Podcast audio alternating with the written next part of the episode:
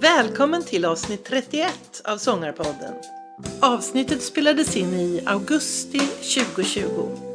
En mycket varm dag och balkongdörren stod öppen så ni kommer att höra kyrkklockor och bilar som tutar med mera.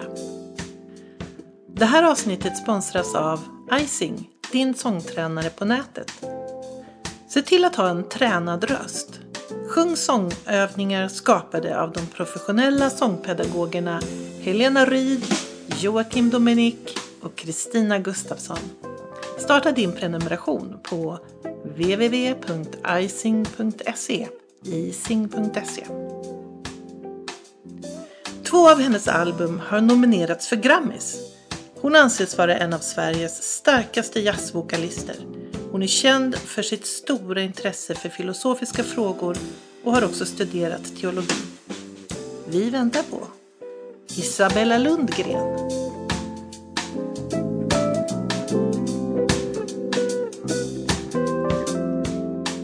Välkommen till Sångarpodden. Isabella Lundgren i Sångarpoddens soffa. Med en liten vosing får vi presentera. Ja, som heter Kraken. Kraken. Mm. Hej Kraken. Vi sitter ju nu här och pratar i, egentligen i coronatid. Mm. Det, så att allt har stannat upp. Mm, Även för dig kanske. Ja. Jag nickar. ja. Men hur känns det?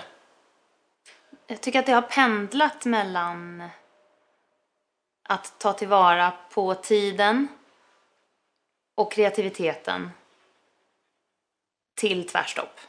Det har pendlat mellan de två konstant under de här månaderna. Eh, Men till slut så landar man ju i, eller jag har landat i i alla fall, att livet gör som livet vill och det är bara att sitta still i båten och vänta tills det här är över, när det nu är. Precis. Mm. Ja. Man får vara kreativ med det man har. Exakt. Men jag tror också att det kommer... Eh, jag tror att människor kommer förstå värdet av kulturella upplevelser och att det också verkligen är en fysisk upplevelse som behöver vara på riktigt. För att det händer någonting när man samlas med andra och man också får se och känna en annan människa som står och gör någonting i stunden. Så jag tror att när det här är över så, så tror jag att människor kommer vara så svältfödda och längta så oerhört efter de där riktiga fysiska kulturella och musikaliska upplevelserna. Att Ja, det det- kommer bli uppsving Ja, igen. ja, men det tror jag också. Jag skulle vilja prata med dig om dina skivor och varför du har spelat in de skivorna som du har gjort. Mm. Det senaste nu då? Out of the bell jar. det. Exakt. Bob Dylan. Mm, precis. Ja, det är en lång... Eh, jag har en lång kärlekshistoria med honom. Som eh, började när jag var 15, 16 år kanske. Och eh, initialt så var det... Den började för att jag blev väldigt förälskad i en kille som heter Anton. Som eh, gillade Bob Dylan. Och Anton var mycket coolare än vad jag var. Han hade skinnjacka och rökte cigaretter och pratade om den tyska pedagogiken och var verksam i Ung Vänster. Och jag hade munsår och glasögon och lyssnade på Doris Day och tittade på Disney-filmer. Så jag tänkte liksom att jag inte hade någon chans. Jag hade ingen chans. Eh, Men när jag förstod då att han gillade Bob Dylan så eh, gick jag in på cdon.com och så beställde jag, jag tror att det var sex eller åtta stycken cd-skivor, hans första liksom, i kronologisk ordning. Och så tänkte jag att jag skulle lära mig de där väldigt, väldigt långa låttexterna för att jag har ett väldigt bra eh, minne. Så jag skulle lära mig dem och sen så skulle jag liksom recitera lite sådär spontant Ah, i skolkorridorerna. och sen, ett eh, riktigt projekt. Ja, det var ett riktigt projekt. Och, eh, men så kom de där skivorna och så satte jag mig ner framför CD-spelaren. Och då blev det ju så att jag eh, slutade tänka på Anton och verkligen förlorade mig istället i i de här berättelserna som Bob Dylan hade skrivit. Och sen satt jag plötsligt med ett, ett A4-papper fullt med en massa namn på liksom mytologiska figurer och filmstjärnor och amerikanska presidenter och poeter och andra folkmusiker och det var liksom, hans musik är verkligen ett, ett lexikon eller ett uppslagsverk, ett kulturellt uppslagsverk. Så tog jag mig till biblioteket, för då kunde man inte använda Google. Nej. Eh, och sen så gick jag runt med en bibliotekarie och försökte liksom hitta alla de här personerna. Så plötsligt så öppnades en helt ny värld upp för mig. Jag satt och läste T.S. Eliot och eh, Arthur Rimbaud och jag lyssnade på Woody Guthrie och Odetta och jag tittade på filmer med Sofia Loren och läste historieböcker och Det är helt otroligt. ja, så, Vilken drivkraft. ja, ja men det är väl Anton. Ja, precis så. Det kan man ju tolka så. Men eh, eh, så, så var det. Det var så den där kärlekshistorien började. Och jag hade egentligen inte tänkt, eh, det känns ju på något vis som ett vansinnesprojekt att försöka ge sig på den där musiken som är så helig för så många och som egentligen inte går, det går ju inte att göra det bättre utan det går att göra det annorlunda. Just det. Eh, och det var de i mitt band som tjatade på mig att vi skulle Mm. göra den där skivan. Så då gjorde vi det. Ja.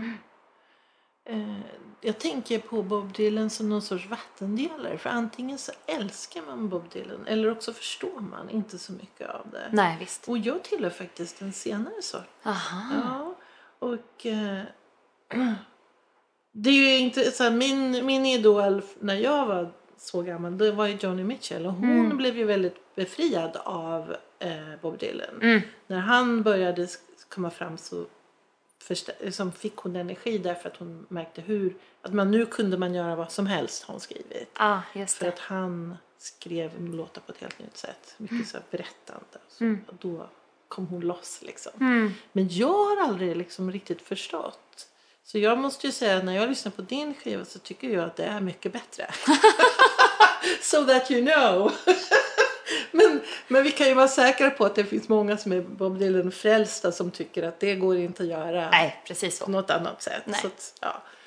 eh, men då undrar jag lite för att eh, du har ju också, du gav dig av ganska tidigt till New York Mhm. och hade, hade som du beskrivit en längtan dit. Eh, för det första, Värmland. Mm.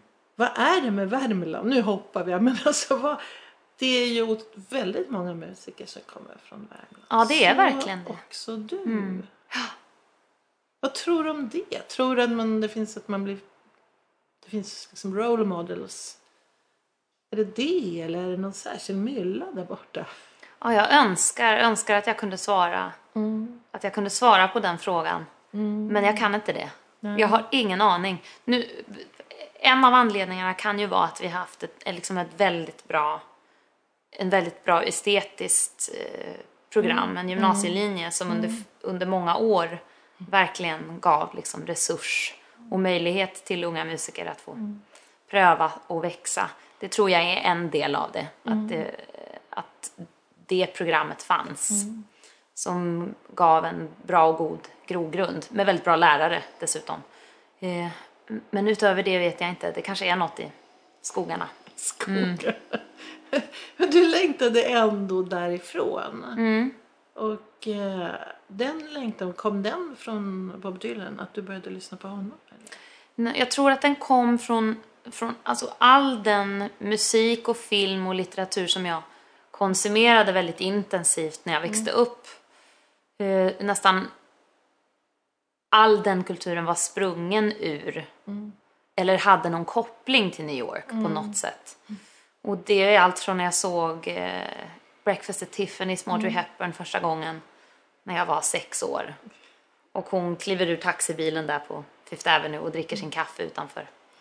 Tiffany's och man hör Henry Mancinis Moon River i bakgrunden och till Bob Dylan och, och eh, hela den här beatnikrörelsen i Greenwich Village på 60-talet och jazzen som ju hade ett sånt oerhört starkt fäste i New York också. Det fanns liksom så mycket därifrån som, som jag hade förankring till. Och som jag längtade efter att få uppleva på riktigt. Ja. Du var, det, det känns som att du drog så fort det gick. Ja. Eller hur? Visst var det så? Du Ja. gick klart skolan och sen poff Ja. så drog du. Precis. Det är mod. Det är en stark längtan men också mod Mm. att ge sig ut. Det är ett stort kliv, ja. Ja, verkligen. Men jag tror... ehm, alltså det, jag kan skylla det där kanske på mitt dåliga konsekvenstänk. Du bara, jag kör. Så. ja, ja, men, men eh, det... Och, och om, jag, om, jag vill, om jag vill någonting så är jag ganska dålig på... Det är ju på gott och ont. Ja. Och man kan ju läsa in möjligtvis mod i det. Jag vet egentligen inte om det är mod. Det är snarare någon så här fartblindhet som bara, nu vill jag det här, nu gör jag det. Okej. Och så tänker jag absolut inte alls på hur det kanske blir Ja. när jag väl gör det. Och det är väl det som gör att man kan tolka det som mod. För att det, jag går inte dit i tanken, jag Nej. gjorde inte det då heller. Nej, okej. Alls. Utan det var bara, om det finns en längtan och en vilja, Mm. då följer jag det. Är, du, är det alltid så? Är du så nu också? Att, jag, I grund och botten så är jag så som person.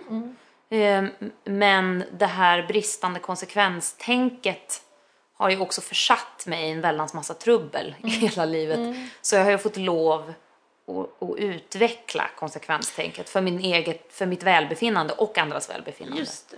För du hade ju ett sommarprat 2016 Ja. där du var väldigt öppenhjärtig och det var väldigt hä- häftigt att höra dig berätta om det. Mm. Får du fortfarande jobba med det eller, eller känns det mer och mer som att Nej men nu har jag grejen under kontroll här. Nu, jag rusar inte bara iväg och gör utan hur tycker du? Ja, det är både och. Eh, alltså att eh, när jag fattade det beslutet att välja bort alkoholen till exempel. Eh, och jag gjorde de här behandlingarna och gjorde tolvstegsprogrammet och allt så, så blev jag ju, eh, ju längre tiden gick så blev jag ju också varse om att jag klarar av att avstå från saker. Alltså att jag kan välja att tänka långsiktigt till skillnad från kortsiktigt. Att inte bara gå på, nu har jag lust med det här, nu känner jag för att göra det här, då gör jag det. Utan jag lärde mig då att det blir inget bra när jag gör så. För att min lust och min längtan får, just i det här fallet i alla fall, får alldeles för stora allvarliga konsekvenser. Så på vissa sätt så är jag jättebra på att tänka konsekvent och jag har i alla fall vad gällande vissa saker i mitt liv en oerhörd självdisciplin. Men jag, är jag har fortfarande samma tendenser och jag får kämpa lika mycket med andra saker. Eh, att välja bort det som inte är gott eller som gynnar. Och det där kan jag också gå för långt i ibland, att jag blir så fruktansvärt hård och asketisk att det blir orimligt åt andra hållet. Så det är det som eh, eh, Carl Jung skrev, att det handlar inte om att, att försöka utplåna de sidor i en själv som är mörka eller fula eller obehagliga, utan att integrera dem i sitt liv och, och våga ehm, låta dem vara en, en del av ens liv. Helt enkelt. Jag gillar det ordet, integrera. Ja men det är svårt att ta bort en del av ens personlighet. Mm, Det går ju Det får inte. man ju leva med. Men mera hur hanterar jag det här nu? Exakt, precis. Men då så, om man tänker så här, 15 år när du började lyssna då sa Bye Bye Anton och Hello Bob Dylan. Så gick det, hur många år blev det innan du gjorde skivan och hur kändes det när, när du stod där och skulle spela in Idolen? Ehm. Ja, du, när var det då? Jag var tre... Var det två år sedan kanske? Nej, det var nog tre år sedan vi spelade in den skivan till och med. För det, drog, det dröjde ganska lång tid från att vi spelade in den tills att vi släppte den. Ah, Okej, ja. Eh, jag tror, alltså som sagt, jag protesterade nog ganska högljutt första tiden när de i bandet föreslog det och sen gav jag med mig till slut. Och det var därför det dröjde lite med att släppa skivan. För att jag eh, också är, kan vara eh, mycket envis. Om Jag vill göra saker på mitt sätt hela tiden. Det är inte alltid en charmig egenskap Nej, okej. heller, tycker jag. Men ehm, Så sen när den väl släpptes, ja men då tycker jag nog att det ändå kändes rätt. Då hade det gått så pass mycket tid och jag kunde leva Men med... du gillar den inte från början, eller vadå? Jo, jag gillar den. eh, Jag gillar den. ehm, jag, jag, jag tror mer att det handlar om det där, vad är det egentligen jag vill att det här ska vara? Eftersom jag själv tycker att det inte går att göra det bättre. Ja, då vill jag bara göra det annorlunda. Kan det vara okej då? Ja, det kan vara okej. Och att det också var roligt att göra, för Bob Dylan är ju inte en särskilt, han är inte vokal som sångare utan han skriver ju och han berättar de här texterna men han berättar inte det enligt en, en särskilt vokal tradition. Utan det är något slags pratsjungande. Det är inga långa vackra toner och inget vibrato, det är inte särskilt dynamiskt utan det är ganska monotont. Så att det som gör att, att man gillar honom snarare då att hans väldigt liksom särpräglade uttryck och de här starka texterna, otroliga texterna som han skriver. Som han berättar på det där särpräglade sättet. Och då tyckte jag det var roligt, det var min ingång snarare, att okej om jag sjunger det här som jag sjunger det så blir det ändå någonting helt annat. Och hur blir de här texterna då? Hur uppfattar man de här texterna då? Det kunde jag liksom landa i. Okej, det är det som är poängen med det här. Men bandet då, varför var det viktigt för dem? Är de också Bob Dylan-fans? Nej, det är de inte. Inte på det sättet som jag är, men vi, vi hade gjort, det var på jazzfestivalen, så eh, gjorde vi liksom ett halvtimmesprogram bara. Då valde vi en Dylan-låt var och spelade live. Och jag hade inte tänkt att det skulle bli mer än den där live-grejen. Eh, Men då tyckte de det var så roligt och publiken verkade uppskatta det så då blev det liksom en jag tror att det var därför att de förstod att ja, men det här verkar uppskattas och vi tyckte det var jättekul att spela det här. Så det var därifrån deras tjat kom. Okej. Ja, det är väldigt härligt att lyssna på tycker jag. Det är jättefina låtar. Tack. Så för mig var, eh, blir det ju kanske mer av en ingång till Bob Dylan. Än, Ja men det är ju underbart. Ja. Det gläder mig. kan, du, kan du glädja dig åt att det Mm. så kanske kan funka liksom för, för folk. Ja. Men innan dess då, de här andra skivorna. Ha- Harold, nu får du hjälpa mig vad han heter, han som har skrivit Come Rain and Shine and... Harold Arlen ja. Han är verkligen en av giganterna Ja. i den traditionen. Den där skivan den är ju inte släppt i Sverige utan den gjorde vi för eh, den japanska marknaden så att den släpptes aldrig här i Sverige eller i Europa utan den är bara släppt i Japan. Och det var jag och eh, Peter Asplund som jag jobbar mycket tillsammans med. Det är vi som gjorde den eh, skivan för att de frågade om vi vill göra någonting tillsammans. Och både Peter och jag är väldigt, väldigt eh, djupt nördiga när det kommer till den amerikanska sångboken och låtarna och låtskrivarna ifrån den traditionen. Och Harold Arlen är en av våra favoriter. Så det var därför vi valde honom.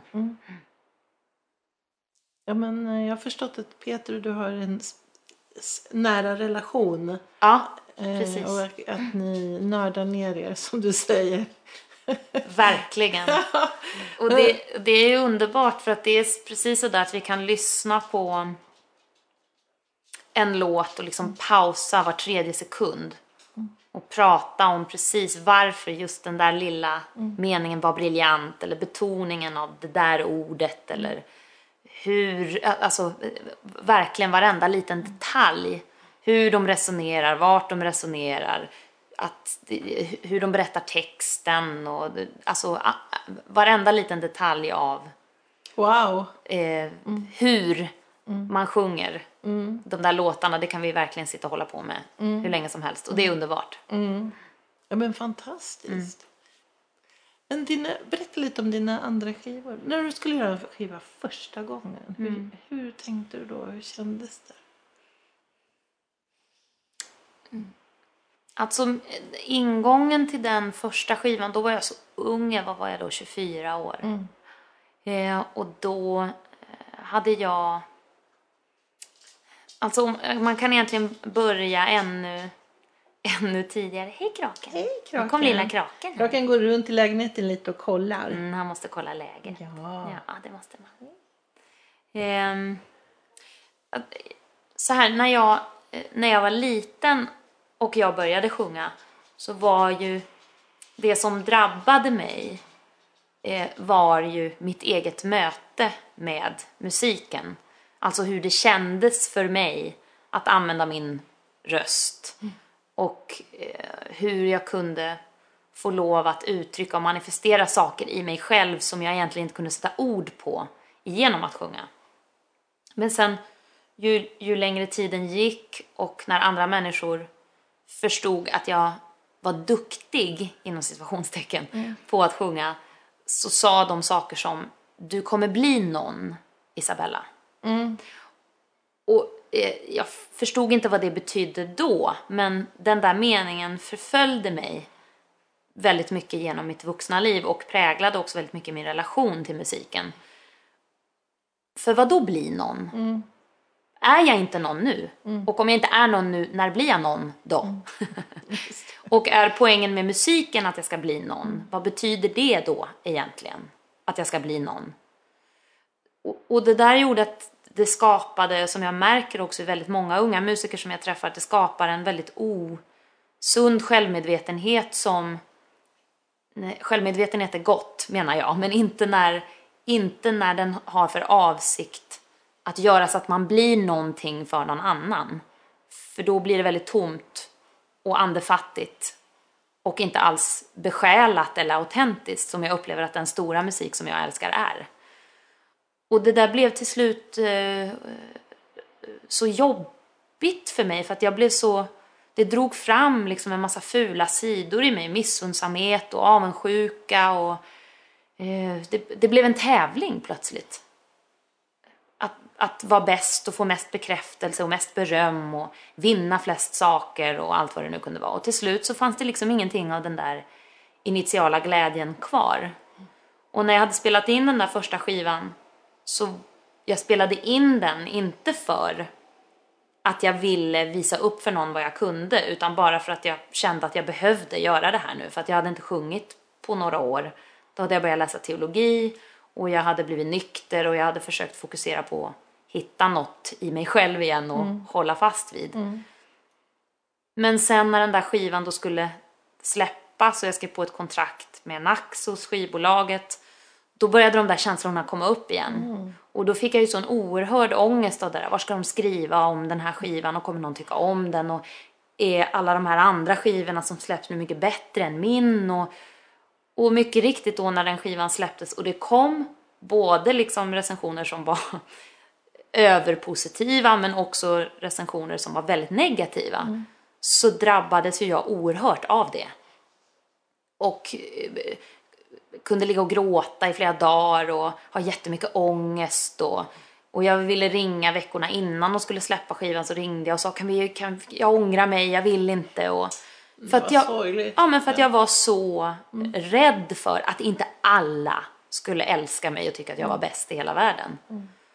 Så efter den där första skivan, när liksom min karriär på något vis tog fart och jag började kunna spela på heltid och frilansa på heltid och så där så fick jag verkligen lov att ompröva det där och omformulera min egen relation till musiken för att den skulle bli lustfylld. För det är därför jag håller på med det, för att det ska vara lustfyllt för mig och meningsfullt, inte för att jag ska vinna något eller för att jag ska vara bäst. Då är det poänglöst för mig. Så nu har jag en helt annan relation till musiken idag än vad jag hade då. Så den där första skivan är viktig på mm. det sättet. Mm. För att den förändrade hur jag förhöll mig mm. till musiken och till mig själv mm. i musiken. Det är svårt det där. Jag tycker att det är väldigt intressant det du pratar om. Ja. För att jag upplever, eftersom jag själv är amatör så, så är det lätt att kosta på sig att bara, bara njuta av musik. Mm. Det finns ingen annan anledning varför man håller på. Nej. Bara för att det är så härligt att sjunga, så härligt att musicera ihop. Mm. Men att man förstår också att det är svårt att förhålla sig så när man har det som sin, eh, ja, sitt yrke. Mm. Och det där är, eh, ja, det finns en intervju med Bob Dylan. Han, han är ju en förebild för mig också för att han har en sån oerhörd integritet som musiker och som människa också. Och den där integriteten är det många som misstolkar. Det är klart, stundtals så är han arrogant och obrydd och det är för att han verkligen skiter i mm vad folk tycker mm. om honom och vad han borde göra. Utan han följer helt kompromisslöst sin egen inre röst, eller vad man nu vill kalla den. Ehm, och- det finns en intervju med honom, det är en brittisk journalist som, som ifrågasätter hans beteende. Och då har, de, då har den här journalisten följt honom från, då är, det, är de på någon filminspelning och så följer han honom från inspelningen till hans trailer där han byter om, alltså logen. Och på vägen då så är det någon som kommer och ber om hans autograf. Och då säger Bob Dylan så här, eh, If you needed my autograph I would give it to you. Alltså hade du behövt min autograf då hade jag gett den till dig.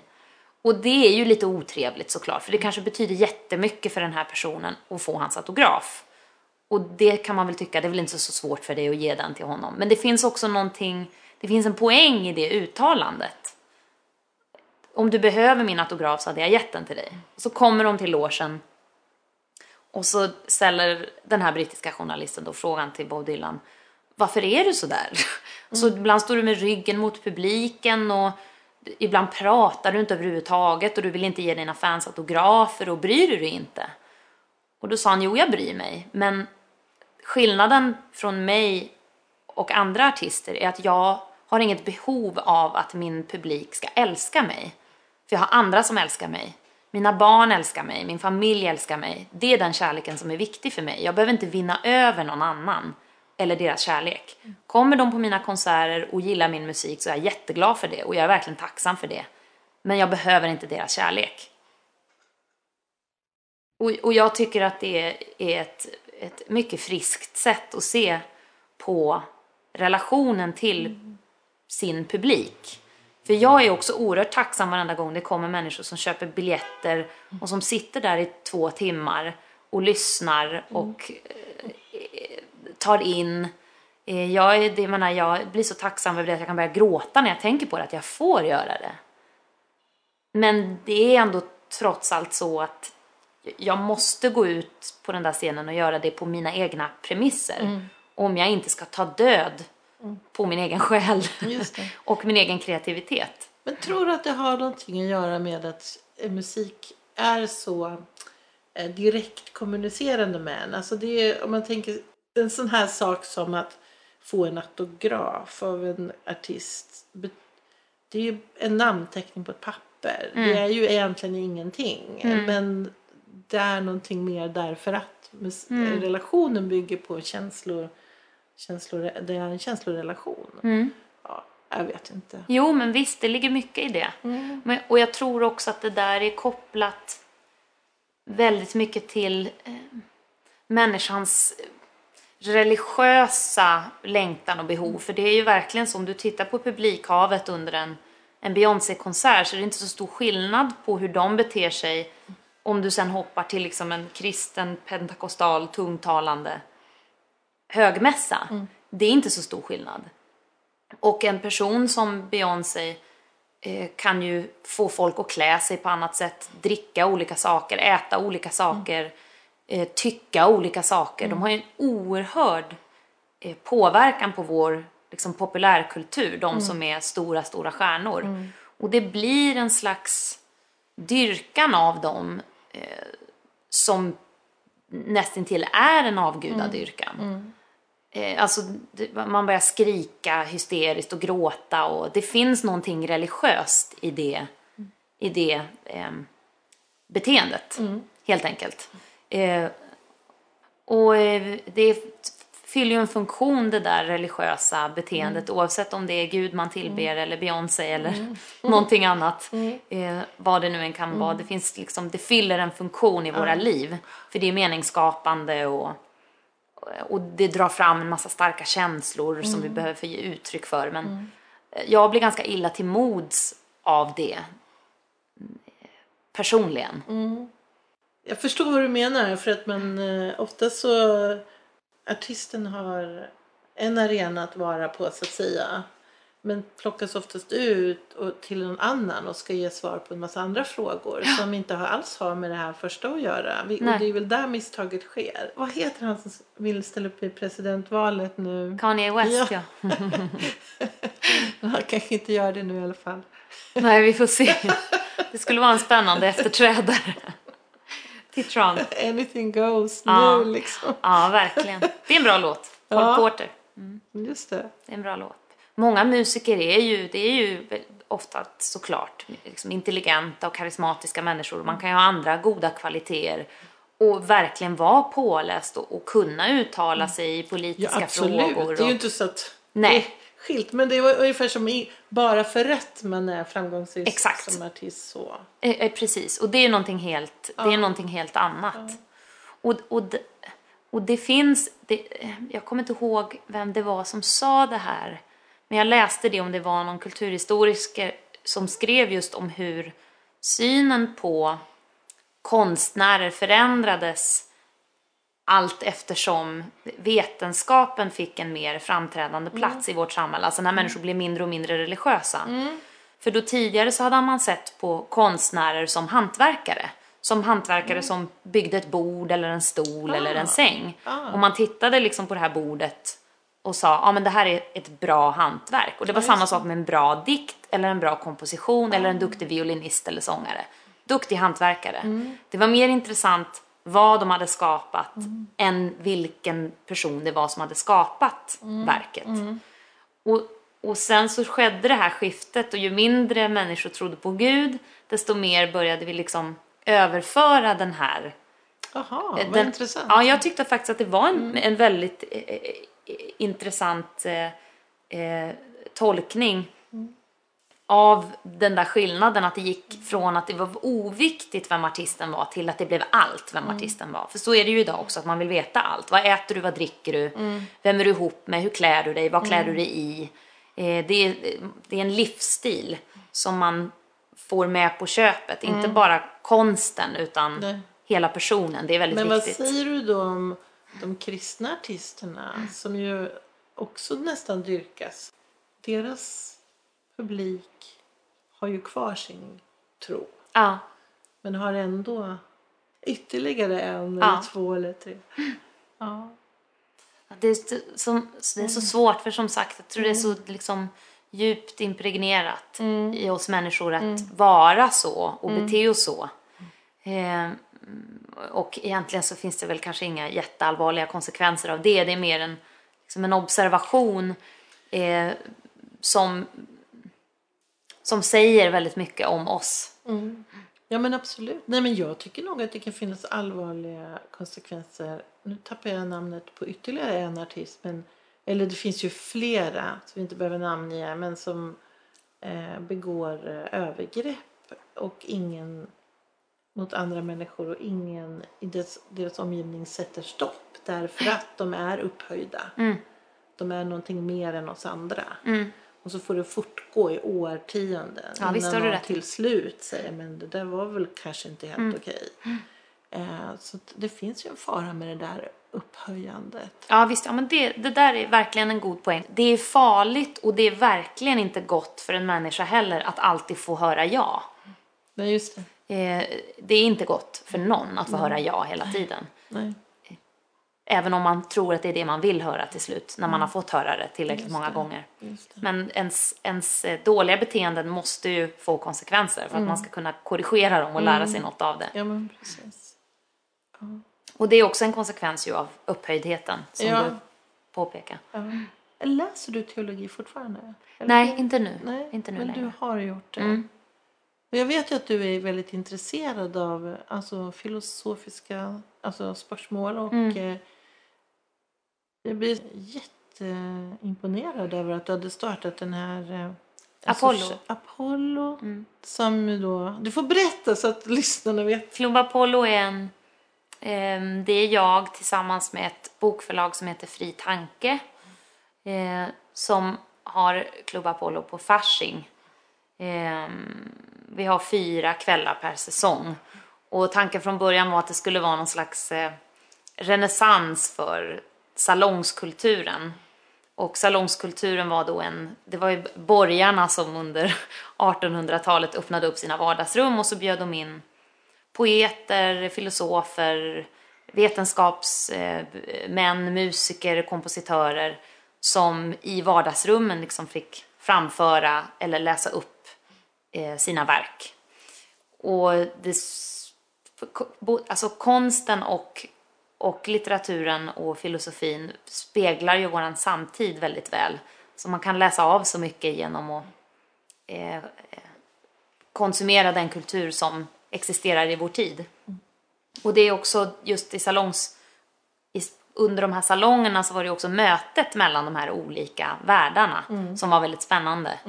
Eh, och det ville jag och Martina då som är förlagschef på Fri Tanke, det var det vi ville återskapa. Så det, vi har ett övergripande tema varje säsong. Eh, och sen så bjuder vi in forskare eller filosofer och musiker. Och så är det två sätt och så är det någon slags samspel mellan de här under kvällen. Det är väldigt spännande faktiskt och det har varit uppskattat än så länge. Hur, hur tycker du att det har funkat? Eh, alltså, har det kommit publik? Mm. Har, det, har det varit uppskattat? Och har man kunnat ha ett, gott samtal? För ni hade ni har ju verkligen inte väjt för ämnena. Utan Nej. det är ganska eh, liksom brännande ämnen eller vad man ska säga. Och de som ska komma kanske har ganska motsatta uppfattningar egentligen. Men Mm. Precis. det funkar. Ja, det funkat Ja. jättebra. Och eh, det har varit ro, en väldigt liksom blandad publik. Eh, alltså unga och Mm. gamla. Och Fri Tanke som också ordnar mycket event och samtal och debatter. Tog ju med sig sin publik som fick kanske Mm. möta ny musik. Och Fasching tog också ju ny publik som fick möta de här nutida eh, eh, tänkarna. Så det blev verkligen en, en bra korsbefruktning på så vis mellan de här två olika disciplinerna. Ehm, så det har funkat jättebra än så länge. Så vi hoppas det är så fortfarande. Ja, vad ska ni ha för teman nu under hösten?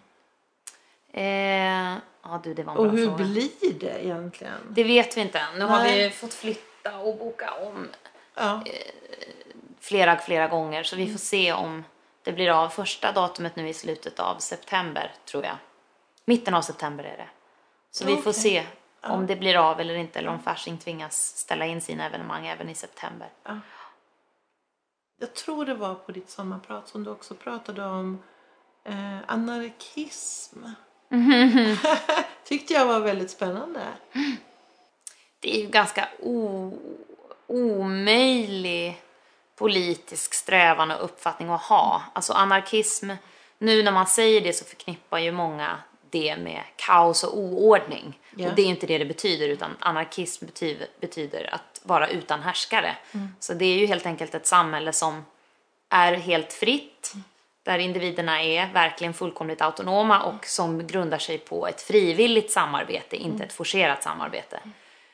Eh, Men, men det, det kräver ju, det skulle krävas väldigt mycket för att kunna ordna ett sånt samhälle på ett liksom civiliserat, rimligt sätt. Det. Och det skulle kräva nog många år av förberedelse för att det ens skulle funka. Och jag vet inte ens om det skulle funka. Det har ju aldrig prövats Det i verkligheten. prövats, nej. Nej. Om Utan man inte tar prehistorisk tid som Mm. sån kanske. Precis, och, och sen så vi- viss urbefolkning, Mm. de, de lever ju på ett sånt sätt. Men då finns det ju en stark tradition att hålla sig fast vid. Mm. Och, eh, de lever ju på ett helt annat sätt dessutom. Mm. Eh, så, så jag är inte riktigt lika idealistisk eller naiv kring hur lätt det skulle vara att bygga ett samhälle eh, på ett anarkistiskt sätt. Nej. Men jag skulle verkligen säga att jag i tanken på många sätt är anarkistisk. Och med det menar jag att jag försöker alltid förhålla mig till mitt eget tänkande eh, så fritt som jag bara kan. Det vill säga att inte cementera mig i en ideologisk eller filosofisk position utan att snarare betrakta allt som kommer i min väg och ställa frågor kring det jag betraktar istället för att här är ett ämne, jag är ju vänster eller jag är ju höger, därför ska jag tycka så här. Utan jag försöker snarare betrakta det som kommer framför mig på ett sätt som att jag inte har någon härskare, att min tanke inte är bunden, att jag inte är cementerad i något. Och, men det där är intressant för att om man också tittar på vilken, det här är ju visserligen en, möjligtvis en, en, en tolkningsfråga eller en subjektiv fråga, men om, om man tittar på vilken funktion konsten har haft, eller konstnärliga uttryck har haft i ett samhälle, eh, så har det ju delvis då handlat om att det, det är en slags eskapism. Alltså jag kan fly min egen smärtsamma verklighet för en stund och kliva in i någonting som är vackert och gott och meningsfullt och som gör att jag kan drömma mig bort och jag kan förlora mig själv i det här litterära verket eller i den här kompositionen eller i den här fantastiska rösten. Eh, Alltså att jag kan fly min egen verklighet för en stund och i den där flykten hitta någonting som jag kan ta med mig in i verkligheten sen som gör att det blir lite lättare för mig att hantera min vardag. Eh, och på det sättet tycker jag också att konstens främsta funktion egentligen är att påminna oss om det vackra och det goda. Det har liksom alltid varit konstens funktion på olika sätt. Och sen har det hänt någonting också under liksom 1900-talet och också med postmodernismen när konsten blev... Konst kunde vara vad som helst. Alltså här är ett toalettlock, det är konst för att jag säger att det är konst.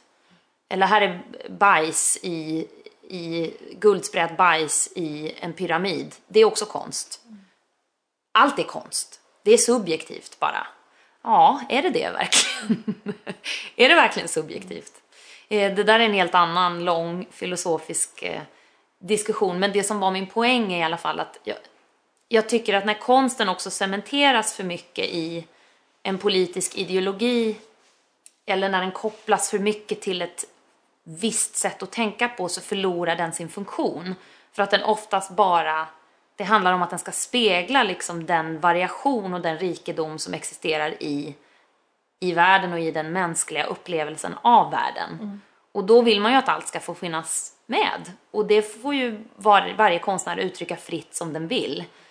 Men det är det som är poängen, att spegla variationen eftersom det bygger så mycket på den individuella utövaren.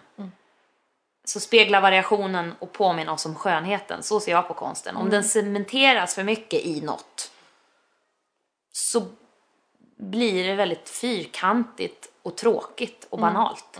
Jag tänker på när du säger så så tänker jag att kon- konst ska provocera. Den ska, kom, den ska åstadkomma en provokation hos betraktaren. Och då har man lyckats. Eh, man har inte samma resonemang när det gäller musik. Nej, verkligen. Ja. Och det är här det där blir krångligt. Och det blir För jättekrångligt. För det finns egentligen ingen annan uttrycksform eller ingen annan disciplin där man låter det vara upp till betraktaren så mycket vad det är. Alltså om, om jag går, om jag ska gå och laga min bil någonstans så finns det ju ett rätt sätt att laga bilen på. det är inte så att den där bilreparatören kan laga den bilen lite hur som och sen hävda ja men jag tycker ju nu att jag har lagat din bil. Ja fast den funkar ju inte. Nej. Den, den går ju inte nu. Den har inga däck. Jo men jag har sagt att jag, har, att jag känner att jag har lagat din bil. Mm. Så därför är den lagad. Nej, det är den inte. Jo men jag känner det. Det. Och, och så är det ju väldigt mycket inom konsten. Och det är ju det där med smak och estetik, Ja, liksom att det. Mm, är ju så olika vad vi uppfattar bra eller vad som är dåligt. Och, men jag, jag vill nog ändå hävda att det finns, våran smak är våran smak. Mm. Och, och den kan man inte, man kan inte döma någon smak. Man får tycka om vad man vill, man får älska Mm. vad man vill och tycka att det här är det bästa som finns i hela världen. Mm. Men det finns också utifrån den kunskap man besitter om vad konst är, olika parametrar att liksom döma kvaliteten på ett konstverk. Och det måste kunna få vara relevant, tycker jag. Både liksom komposition och hantverk och text och eh, utförande. Det finns en massa saker där man kan mäta ju i kvalitet. Sen får man ändå tycka om vad man vill. Men man måste ju kunna säga att det kräver någonting för att man ska kunna kalla det konst. Annars så har det ju förlorat sitt värde. Men visst är det knepigt? För samtidigt så är det så här, man blir berörd. Om man blir berörd så skulle man ju vilja säga att det är ju nästan den högsta nivån av musikalisk kvalitet. Ja, verkligen. Och då är det ju så att det kan ju vara den enklaste låten. Den enklaste framförandet. Verkligen. Det mest innerliga. Verkligen. Så det, det är ju inte så enkelt det här. Nej. Vad är det som är... Det är verkligen inte enkelt. Nej. Och det enklaste är det svåraste att, att göra. Ja. Det är väldigt lätt att fylla varenda lucka med massa toner och sjunga jättestarkt hela tiden och ta höga toner eller visa hur många, vilka chops man har på ett piano eller på ett trumset. Och, det är ju enkelt. Det är svårt att vara enkel. Ja. Ja men absolut. Det vet alla som har provat. Verkligen. Precis så är det. liksom. Så är det. Jag tänkte vi skulle ta en liten paus och dricka lite vatten för det är väldigt svettigt och tjofsigt här. Ja, tjofsigt ja, det är ett bra ord. Så jag att jag just där, jag glömde att betala. Aj då.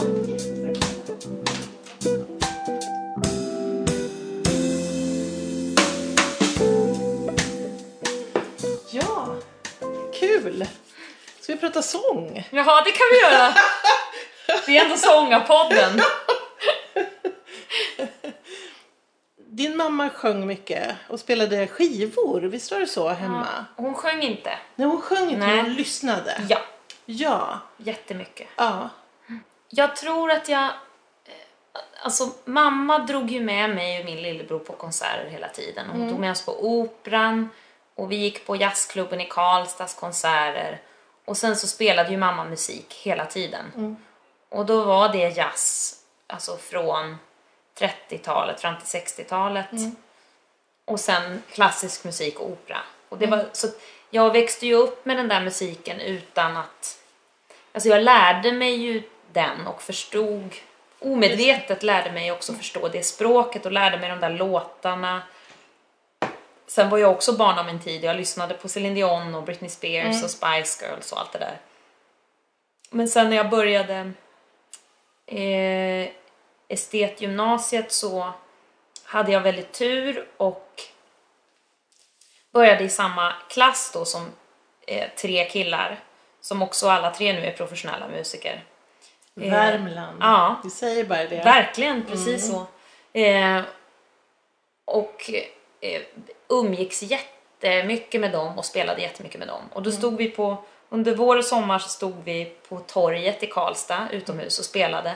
Då hade vi bara realbooken med oss med alla amerikanska jazzlåtar och så spelade vi dem om och om igen i flera timmar. Och det är ju, Karlstad är ju en liten stad så vi fick en massa gig och vi började spela på, vi spelade mingelmusik på eh, fester och bröllop och eh, alltså så jag spelade jätte, jättemycket under hela gymnasiet och då Wow. spelade jag ju också jazz eh, musik. Eh, så det var ju äldre jag blev, den här musiken satt liksom instinktivt i min kropp redan. Men det var då jag började utöva den, det var när jag gick på gymnasiet. Och då blev jag ju också förälskad på eget bevåg och eget initiativ. Då var det inte bara för att mamma tyckte om den musiken utan det var för att jag själv förstod storheten i den. Vad häftigt. Mm. Men är det samma killar som du spelar med nu? Nej, det är det inte. Det är inte riktigt Men de så. bor i Stockholm allihop. Därför att du spelar ju nu ihop väldigt mycket med tre stycken. Ja, precis. Framförallt. Mm. Karl Bagge och Niklas Fernqvist och Daniel Fredriksson. Just det. Mm. Och det måste ju vara en stor liksom, trygghet. Att det blir som ett band. säga. Visst, och det blir en familj. Det är Ja. ens familj. Ja, Helt klart. ja. Och eh, nej men jättebra. Ja, det är underbart. Ja, för att det är också en sån där, eh, som betraktar eh, särskilt jazzbranschen kan ju tycka så att många vokalister är ensamma kan jag tycka. De, spel, de får uppträda med olika eh, kompkonstellationer eller vad man ska säga. Och de är mera eh, sammansvetsade band medan vokalisterna får liksom komma till ibland. Så att säga. Och bytas ut. Ja. Sådär. Så tänker jag att det måste vara mycket härligare att vara så att man känner varandra musikaliskt sett. Ja, Inte visst, visst. Och det blir också på ett helt annat, annat sätt eftersom de, de... Jag behöver inte säga hur jag vill att det ska vara utan de vet redan hur jag vill att det ska vara. Och sen finns det en massa utrymme att utmana det där. Men det finns vissa saker som jag inte ruckar på och det vet de om. Så det behöver inte jag säga om och om igen. Och det är väldigt befriande. Va, va, nu vart man ju nyfiken. Vad kan det vara för någonting? Jag har ju ingen, jag har liksom ingen högskoleutbildning i musik. Eh, utan det jag har lärt mig har jag lärt mig eh, på egen hand och det är, så jag, det är så jag funkar, det är så jag lär mig bäst. Det där är inget sätt jag förespråkar utan det beror ju helt på hur man är. Mm. Och det är också för att jag har en ADHD-diagnos, att jag har ganska svårt med auktoriteter först och främst. Eftersom man ADHD-hjärna har en konstant dopaminbrist eh, och svårt att fokusera när dopaminet inte finns där så är det väldigt svårt att göra saker som man verkligen inte vill göra. Och det där har jag också försökt jobba med för det är också tycker jag en ganska ocharmig sida hos mig själv. Men eh, därför var det svårt för mig att sitta i skolbänken, alltid svårt. För att jag ville göra som jag själv ville, jag ville göra på mitt eget sätt. Eh, Jag ville följa min egen rytm och jag tappade jättelätt fokuset och förlorade mig och gick in i någonting annat. Så därför har det här med att göra själv och välja själv har alltid passat mig mycket bättre. Eh, men i, eh, det, det som ganska ofta och lätt kan hända med jazzen är att den blir eh, att den väldigt lätt kan bli sportig. Eftersom den är så oerhört ekvilibristisk och den är väldigt sofistikerad och avancerad på olika sätt så kan den fastna i det. Titta på mig vad mycket jag kan.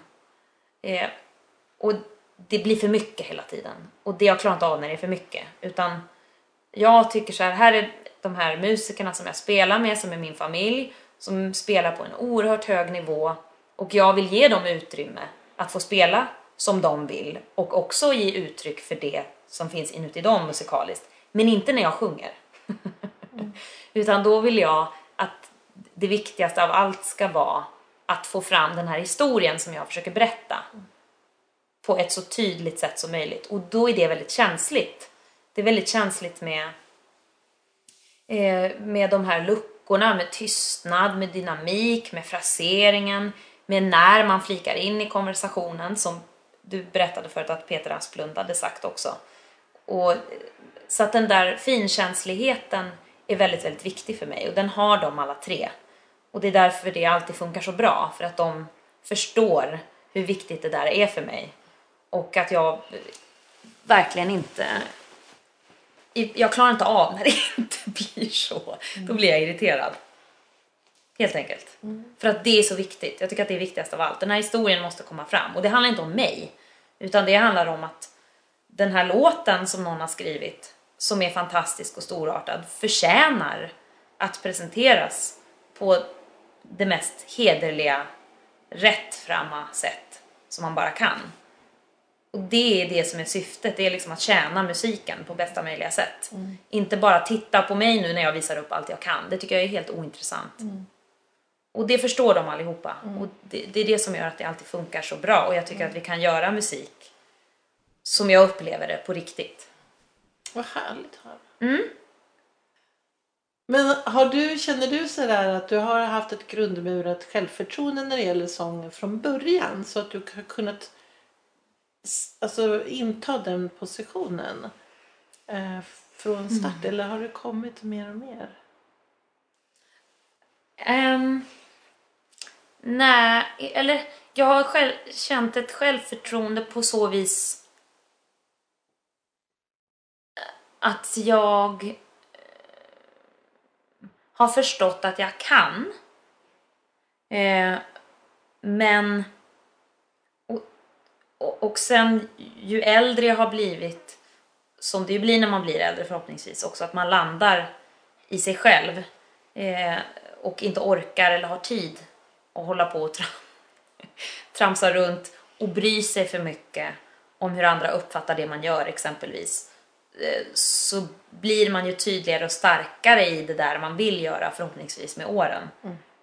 Eh, Så det har funnits självförtroende men det är lite det där som jag var inne på innan att när jag var yngre så var jag ju mer inriktad på att, att behaga alla människor och bli älskad av alla människor och få det att verka som om att jag kunde allt. Eh, och tron att man kan allt förhindrar ju verkligt lärande eftersom man för att lära sig något måste erkänna att man inte vet något.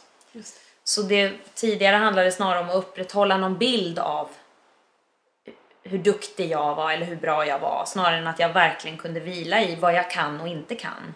Vilket jag nu är mycket mer har landat i. Liksom. De här sakerna är jag bra på, de här sakerna är jag inte bra på. De här sakerna som jag inte är bra på, vissa av dem är jag inte intresserad av att lära mig av olika anledningar och då är det okej. Men jag kan också erkänna då att nej men det här är inte min grej, det här är inte jag bra på. Då tycker jag att du ska fråga någon annan för att det här är inte min grej. Men det här däremot, det kan jag göra. Och det kan jag vila i. Och kultivera. Mm. Det som skiljer eh, instrumentet rösten från de andra instrumenten är att man kan använda både tonerna och orden. Vilket gör att du kan uttrycka allting som en pianist eller en cellist kan, rent musikaliskt, abstrakt och känslomässigt. Men du kan också berätta en väldigt konkret historia som du kan forma musikaliskt utifrån den här konkreta berättelsen.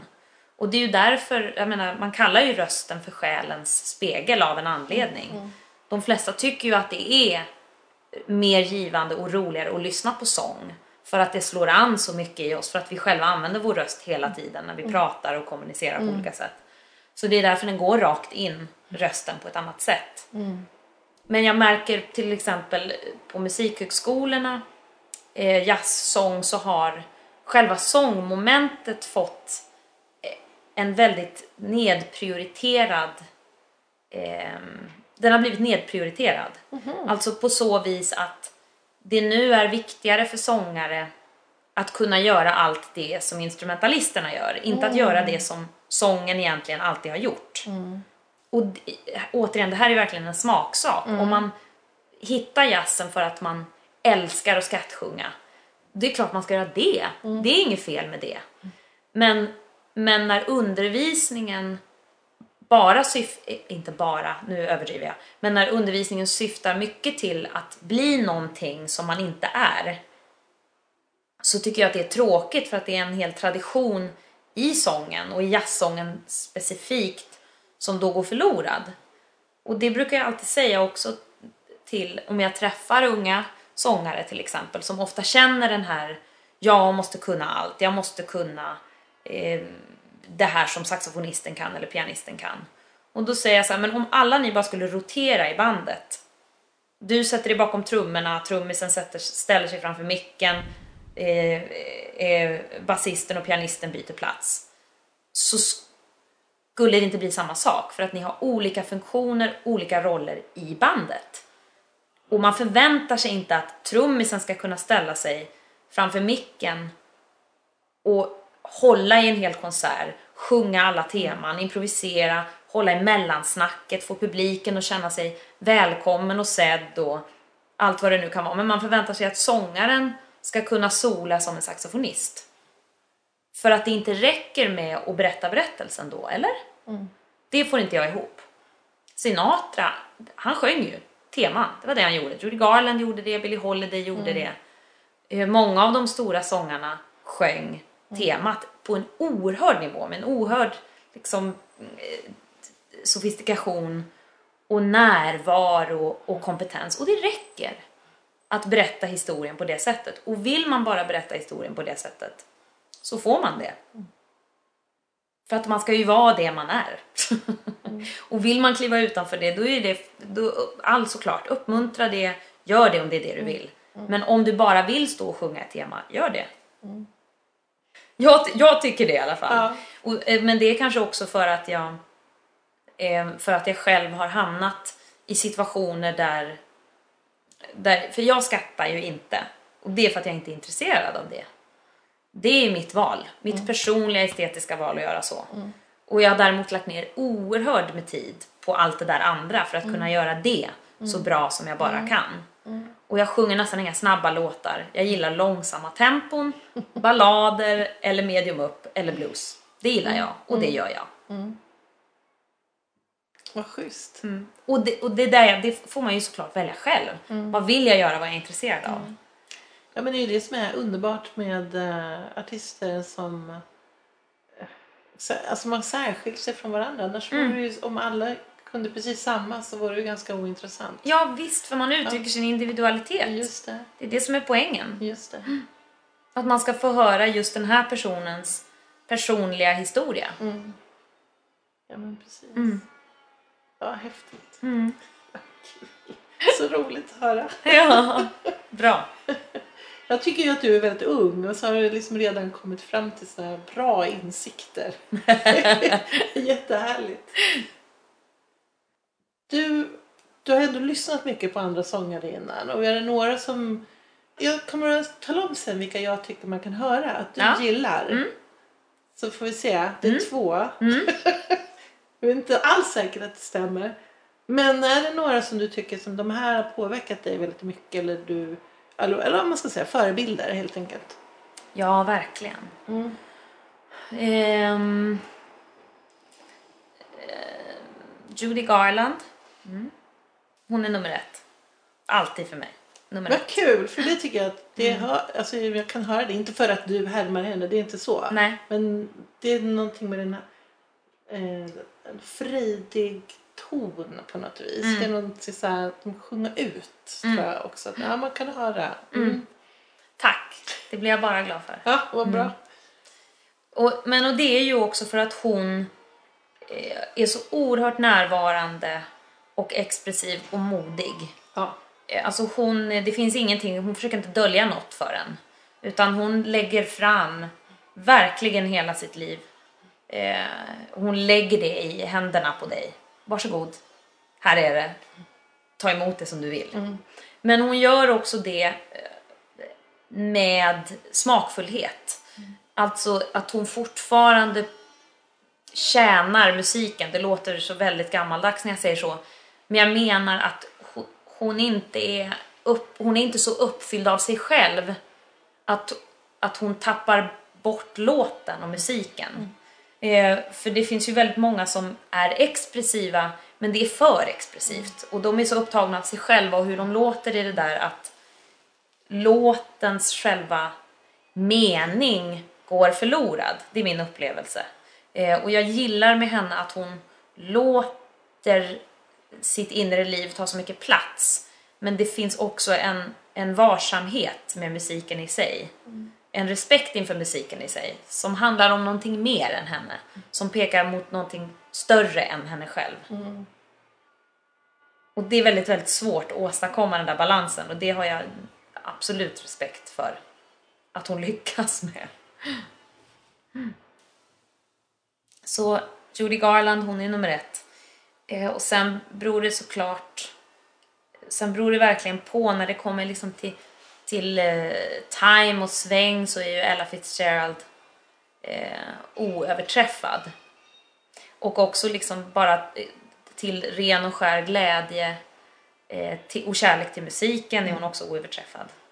Sinatra, samma sak. Liksom både svänget och nerven och uttrycket och historieberättandet. Det finns också där så tydligt. Ehm, sen finns det en massa sångerskor som liksom 50-talssångerskor från den här amerikanska traditionen som är ganska okända men som jag också älskar. En som heter Margaret Whiting, en sångerska som heter Joe Stafford. En som heter Beverly Kenny som jag tycker mycket om. Eh, Mel Tormé, en Mm. annan sångare.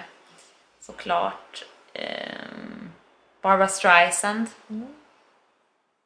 Det är vokalporr, Absolut. Ja.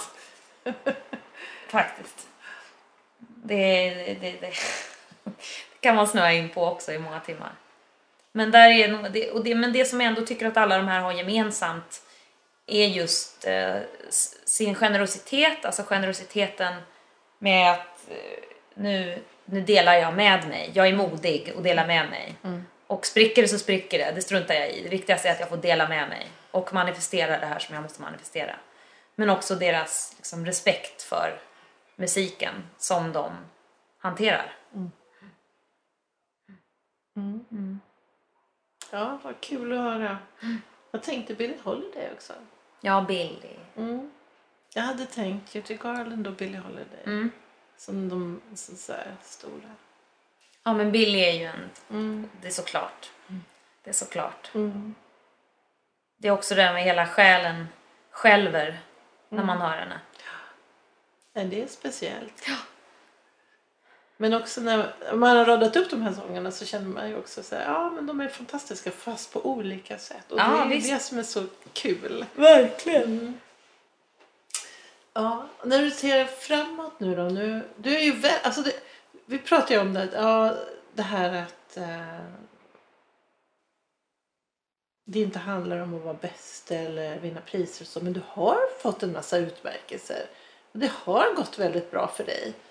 Sådär på det här yttre. Ja, jo. Ja, så bara gratulera. Ja, tack. Jätteroligt. Tack.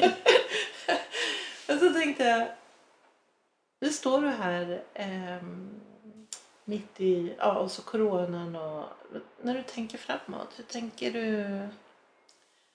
Eh, vad har du för eh, tankar om vad du vill göra musikaliskt? Mm.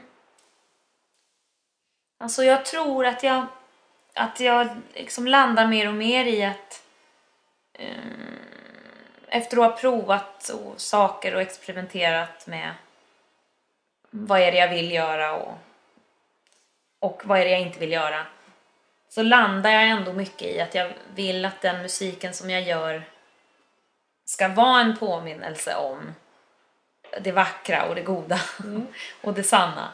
Eh, och jag vill att det ska få vara vackert också. Eh, det har jag landat mycket i. Eh, och det är det jag kommer göra. Sen på vilket sätt det kommer vara vackert och med, vilken, med vilka uttrycksmedel eller vilken genre eller estetik, det är jag ganska öppen för. Men eh, vi spelade in en skiva i våras som ska släppa till våren. Och sen så fyller Judy Garland 100 år 2022. Så då kommer jag göra en stor konsert och skivinspelning då. Det ser jag jättemycket fram emot. Eh, och sen har jag ju skrivit en massa musik som ligger och väntar på att spelas in. Men det, det tar jag efter den här skivan som vi spelat in nu. Vad var kul! Ja. Det blir ju jättespännande Mm. att höra. När ungefär skulle ni släppa den nästa? Eh, jag, I början på nästa år släpper vi nog den. Ja. Jättekul att höra. Ja, Är det det. med samma gäng här nu då? Ja, det är det. Och sen är det en stråkkvartett också. Okej. Ja. Skivan heter Look for the Silver Lining. Mm. Och det är eh, låtar som är skrivna strax efter andra världskriget.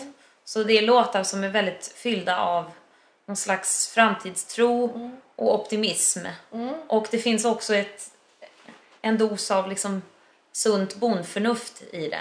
Alltså vad gör man när livet gör ont och det är smärtsamt? Det är, som det är såna råd, som, de här låtarna är fyllda av råd som min mormor gav till mig när jag var liten. Ungefär. Och det är någonting ganska befriande och okomplicerat med det förhållningssättet. Så alla låtarna handlar egentligen på ett eller annat sätt om eh, hur man hanterar eh, och lever med eh, smärta och sorg och pekar mot det som är vackert och det som är meningsfullt med världen och med kärleken och med musiken och allt annat. Så, ja, och jag tror att det är för att jag tyckte att vi var så griniga och otacksamma ett tag allihopa i hela världen att jag ville, det här är någon slags motgift. Mer skönhet och optimism. Inte sån där självhjälpsoptimism som bara är osund. Men den här typen av optimism, särskilt i konsten liksom.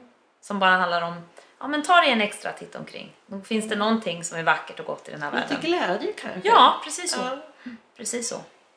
Jag tänkte, vi brukar göra så här att den som är intervjuad får ge någon form av eh, ja, något tips eller råd till de som lyssnar. Och det får vara vilket sort som helst. Det kan handla om rösten, hur man tänker kring den eller hur man ska våga ställa sig på en scen eller whatever. Mm. Ja.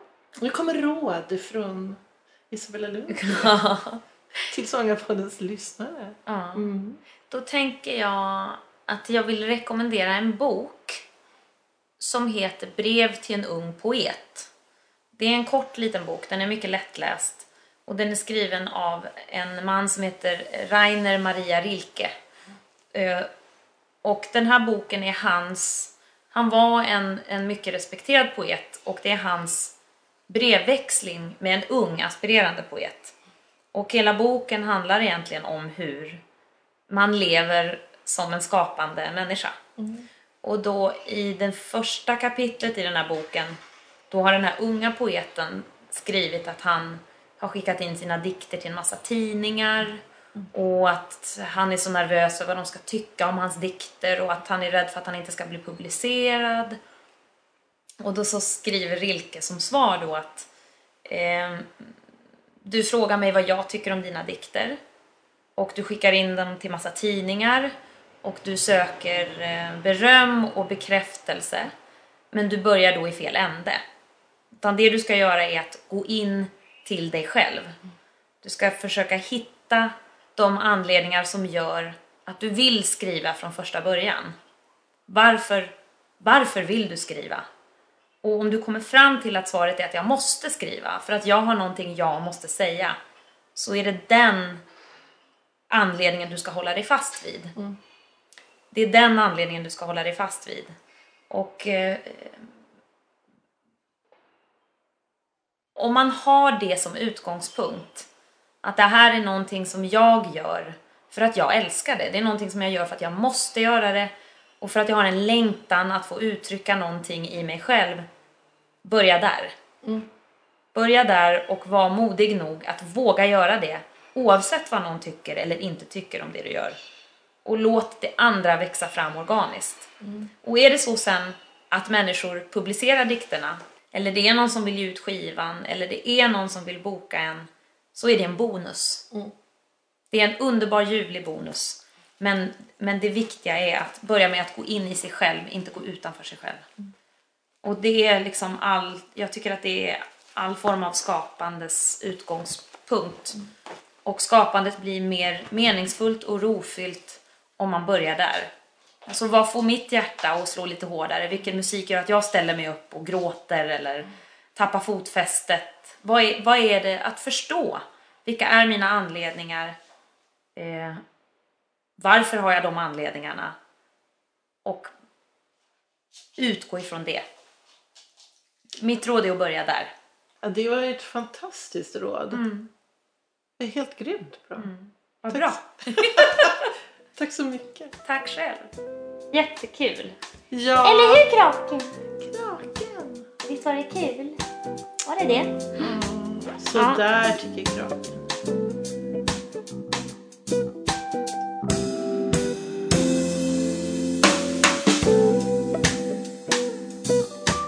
Du har lyssnat på Sångarpodden. Och vill du ha mer information eller få länkar till artister med mera så gå då till vår egen webbplats www.sangarpodden.se Du som är sångare och tycker att det är svårt att hålla igång din sångröst. Kolla in Icing, din sångtränare på nätet. Gå in på www.icing.se ising.se så får du veta mera. Vi hörs!